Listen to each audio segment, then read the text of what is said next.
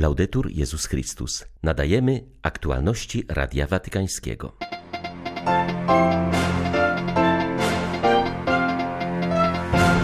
Papieski wysłannik kardynał Konrad Krajewski modlił się nad grobami ofiar rosyjskich represji w Izjumie. Tu nie ma chęci zemsty czy odwetu, to po prostu celebrowanie tajemnicy śmierci, mówi kardynał Krajewski.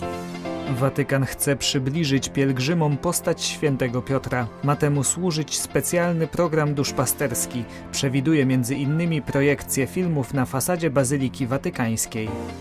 Ormiańscy chrześcijanie apelują do świata, by nie zapominał o ich ojczyźnie w obliczu zagrożenia ze strony Azerbejdżanu. 20 września witają Państwa ksiądz Tomasz Matyka i ksiądz Krzysztof Ołdakowski. Zapraszamy na serwis informacyjny. Jałmużnik papieski kardynał Konrad Krajewski w swojej ewangelicznej misji na Ukrainie dotarł do Charkowa. W towarzystwie biskupa Pawła Gonczaruka był obecny w najbardziej zbombardowanej części miasta. Udał się z nim także do oddalonego o 150 km Izjumu, gdzie po odbiciu tych terenów z rąk Rosjan odkryto cmentarz w środku lasu. Zostało tam zakopanych przynajmniej 500 ciał zamordowanych Ukraińców prefekt dykasterii do spraw miłosierdzia opowiedział Radiu Watykańskiemu o tym, co zobaczył na miejscu. Około 50 strażaków, policjantów, żołnierzy odkopywało groby i wydobywało z nich ciała biednych Ukraińców. Niektórzy byli torturowani. I potem po identyfikacji, szukaniu dokumentów przenoszono je, te zwłoki zmarłych w jedno miejsce, by potem odwieźć je do dalszych badań, by ustalić tożsamość i powiadomić najbliższych. To, co mnie uderzyło, ponieważ wojna zawsze zakłada, że jest wielu zaginionych, wielu poranionych i wielu zmarłych, więc wiedziałem, gdzie jadę. Natomiast to, co mnie bardzo uderzyło, to tych 50 młodych ludzi w wieku gdzieś 20-30 lat, którzy odkopywali zmarłych, robili to w idealnej ciszy. Robili to tak delikatnie, przecież wiadomo, że musieli stać na tych ciałach, żeby je odkopać. Robili to, jakby wydobywali swoich najbliższych ojca, matkę, siostrę, brata. Delikatnie już chyba się nie dało. Dla mnie to była celebracja celebramicy śmierci, której uczestniczyli ci młodzi ludzie. Nieśli je potem do tego punktu zbornego w taki sposób, jakby to była jakaś intronizacja tych ciał. Nie było tam też jakichś momentów pogardy dla Rosjan, chęci zemszczenia się, odwetu.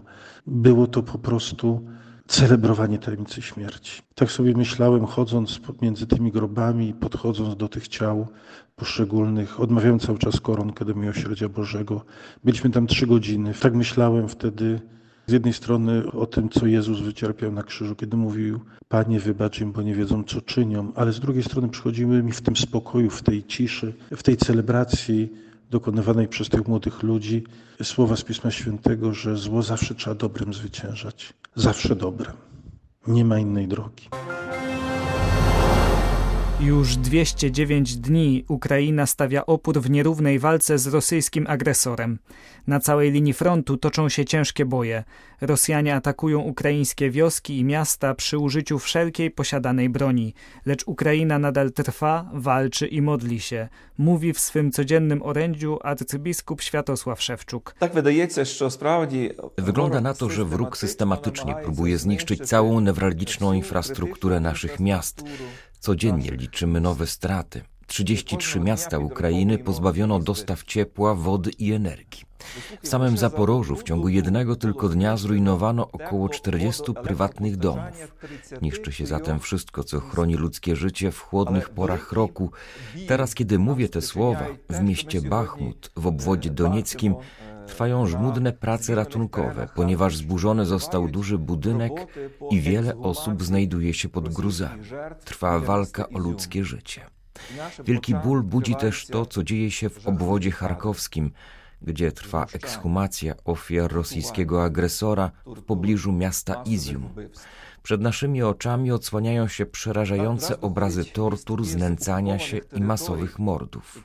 Boże, daj Ukrainie zwycięstwo nad wrogiem, który przynosi śmierć i pobłogosław swoje dzieci Twoim sprawiedliwym, niebieskim pokojem. Sprawiedliwym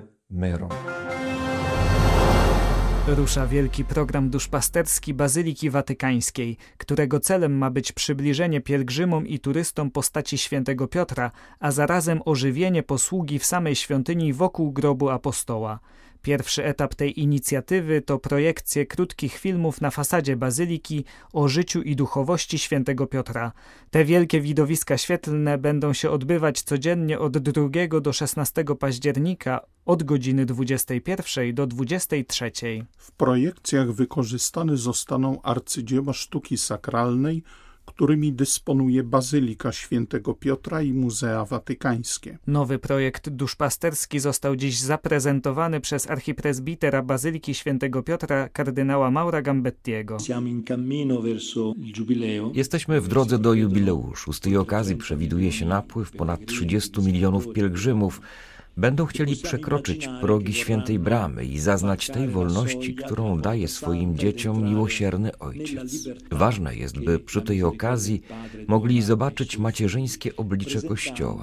Dlatego postanowiliśmy ukazać oblicze Kościoła początków, Kościoła zbudowanego na Piotrze, na jego wyznaniu wiary w Jezusa, Syna Boga Żywego.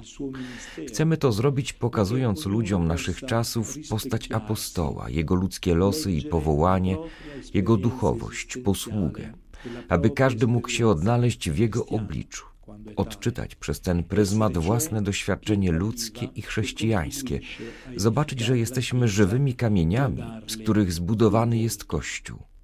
Skupimy się nie tylko na postaci Piotra, ale również Maryi. Przede wszystkim dzięki jej wizerunkom, które upiększają bazylikę. Kardynał Gambetti podał też kolejne etapy rozpoczynającego się programu duszpasterskiego. Będą to m.in. wykłady w Bazylice, które zainicjuje 25 października kardynał Gianfranco Ravasi pod tytułem Lectio Petri – Przewidziano również comiesięczne spacery po miejscach związanych z apostołem w Rzymie. Ponadto wytyczona zostanie droga świętego Piotra, Via Petri, złożona z 12 stacji, na których będzie można modlić się, rozważając poszczególne etapy jego życia. Pielgrzymom i turystom zaproponuje się także codzienne czuwanie przy grobie świętego Piotra w Bazylice.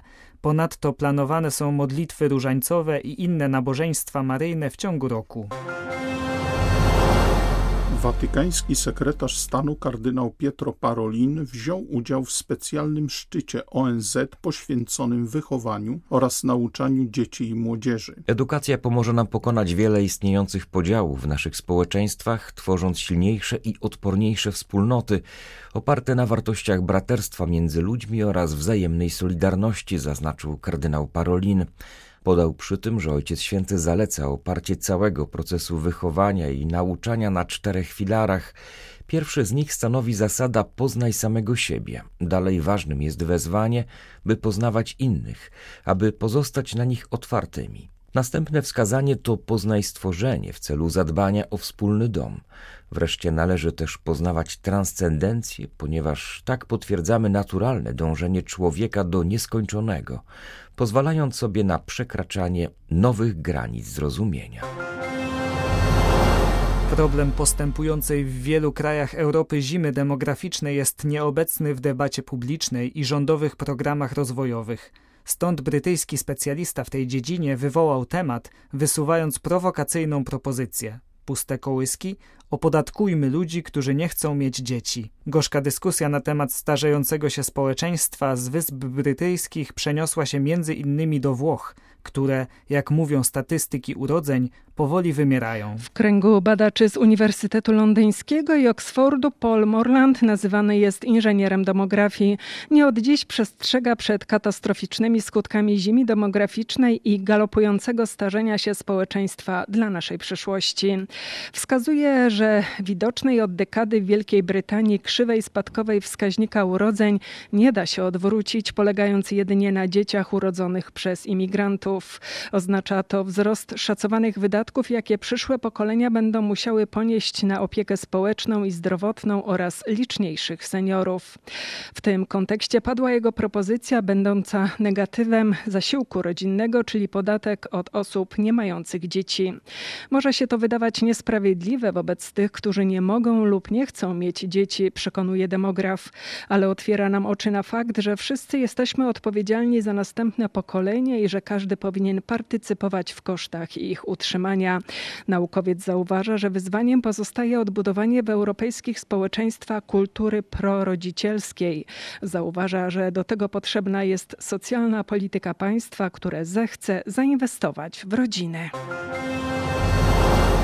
Nikaraguańska policja nie wyraziła zgody na odbycie dwóch dorocznych katolickich procesji w stołecznej archidiecezji Managui. Miało do nich dojść 29 i 30 września z okazji świąt świętego Michała Archanioła oraz świętego Hieronima, patronów lokalnych parafii. Chodzi o dwa kościoły w mieście Massaja, które stanowiło miejsce protestów przeciwko reżimowi Daniela Ortegi w 2018 roku. Manifestacja Demonstracje sprzed czterech lat wyrażające sprzeciw wobec autorytarnych zapędów rządu skończyły się tragiczną śmiercią ponad 350 ludzi, kiedy siły bezpieczeństwa postanowiły uciszyć protestujących.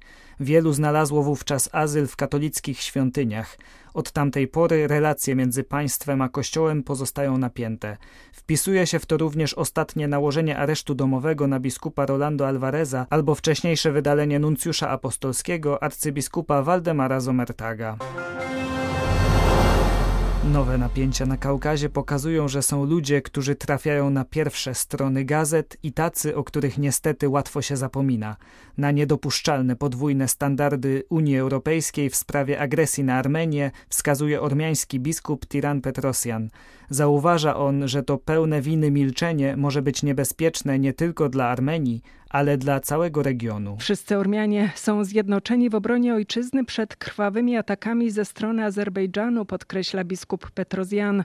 Wskazuje, że celem azerskiej ofensywy jest stworzenie korytarza przez Armenię do granicy z Turcją. Przeciąłby on Armenię na pół, a niezauważona Turcja mogłaby dostarczać ciężką broń do Azerbejdżanu. Byłoby to niezwykle niebezpieczne nie tylko dla Armenii, ale dla całego regionu, podkreśla ormiański hierarcha. Wskazuje, że na tym tle panuje pełne winy milczenie Unii Europejskiej, która nie była dotąd w stanie otwarcie potępić Azerbejdżanu za agresję na suwerenną Armenię. Azerbejdżan jest głównym partnerem handlowym i energetycznym Zachodu w zakresie dostaw węglowodorów z Morza Kaspijskiego. Biskup Petrosjan obawia się, że te podwójne unijne standardy związane są z porozumieniem z lipca bieżącego roku, kiedy to uścisk dłoni prezydent prezydent Ursuli von der Leyen z przywódcą Azerbejdżanu oznaczał 30% wzrost eksportu gazu ze złóż azerskich do Europy. Na Haiti trwają protesty z powodu dramatycznej sytuacji związanej z głodem i przemocą ze strony gangów. Lokalna konferencja wyższych przełożonych zakonnych apeluje, aby usłyszano krzyk narodu domagającego się prawa do godnego życia. Do licznych manifestacji i rozruchów doszło w piątek. W Gonaiv splądrowano placówkę ONZ, kilka szkół oraz uniwersytet. Dzień wcześniej zostały zaatakowane biura Caritas i Międzynarodowego Programu Żywnościowego. Konferencja wyższych przełożonych zakonnych solidaryzuje się z ofiarami zamieszek. Wzywa organizacje państwowe oraz społeczność międzynarodową do szybkiej reakcji akcji. Zakonnicy zapewniają, że nigdy nie przestaną angażować się na rzecz ubogich, dzieci, młodych, chorych, uchodźców i wszystkich osób, które łatwo mogą zostać skrzywdzone, pomimo przemocy, której sami niejednokrotnie doświadczają. Były to aktualności Radia Watykańskiego. Laudetur Jezus Chrystus.